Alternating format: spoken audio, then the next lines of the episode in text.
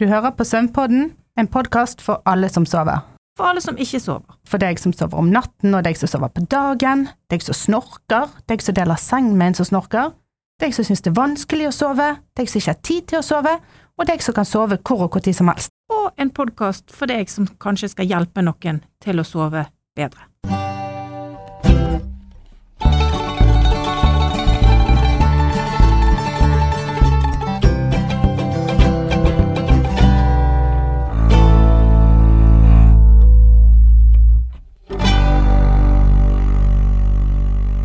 I denne podkasten skal vi snakke om søvn og om våkenhet.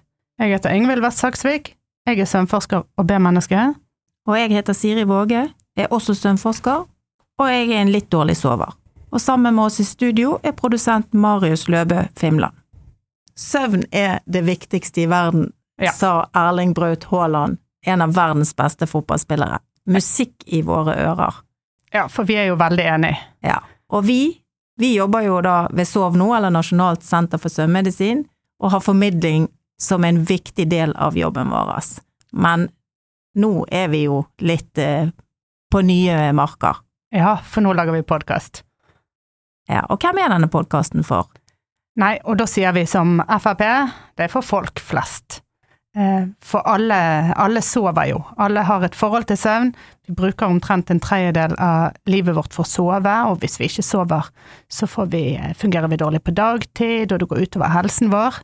Eh, Så søvn er relevant for hver og en av oss. Ja, og når vi tenker folk flest, så tenker vi jo òg pasientene, de som sliter med ulike søvnproblemer, og ikke minst de som skal hjelpe de. Helsepersonell. Ja. Mm.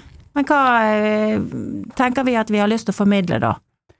Eh, ja, altså, nå nevnte du jo de med søvnproblemer, og vi skal snakke om søvnsykdommer, men fokus skal være på det som er normal søvn.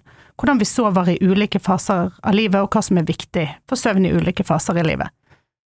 Eh, eh, sånn som sjøl så eh, har jeg jobbet en del med ungdom, og ungdom de er jo ofte det vi kaller B-mennesker, og det betyr at de føler seg våkne opplagt på kveldstid, og så sliter de med å komme seg opp tidlig om morgenen, og det er jo da skolebeina.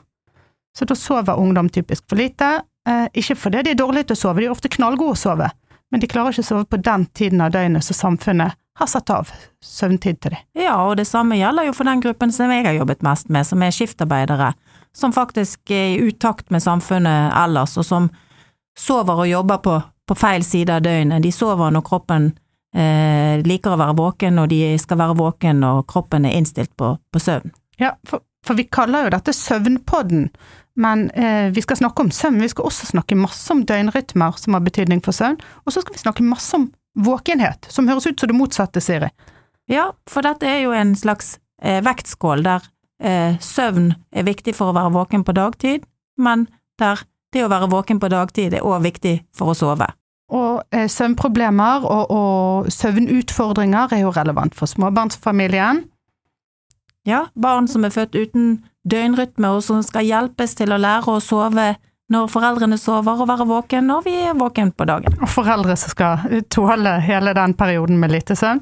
Ja, og så har du de der som ligger ved siden av en som lager mye lyd. Snorkene, ja. Ja, Mm. Eh, og så er det jo de som rett og slett eh, syns det er vanskelig å, å klare å sovne eller opprettholde søvn. For det er jo ganske mange eh, av folk flest som også en eller annen gang i løpet av livet opplever å få problemer Ja, de aller fleste av oss opplever jo det før eller siden, Ja. i kortere perioder. Da har vi innledet med å gi litt eh, eh, smådrypp av hva denne podkasten skal inneholde fremover. Ja, og så har vi jo invitert eh, gøye gjester. Ja, det blir spennende. Eh, så da håper vi at dere har lyst til å følge oss videre i Skulle vi si det? Episodene som Og vitsen, da? Skal ikke vi ha noen av vitsene? En av de? eh, Vet du hvorfor svensken har sykkel i sengen? Nei. For han ikke skal gå i søvne. Tror jeg jeg setter strek her, jeg.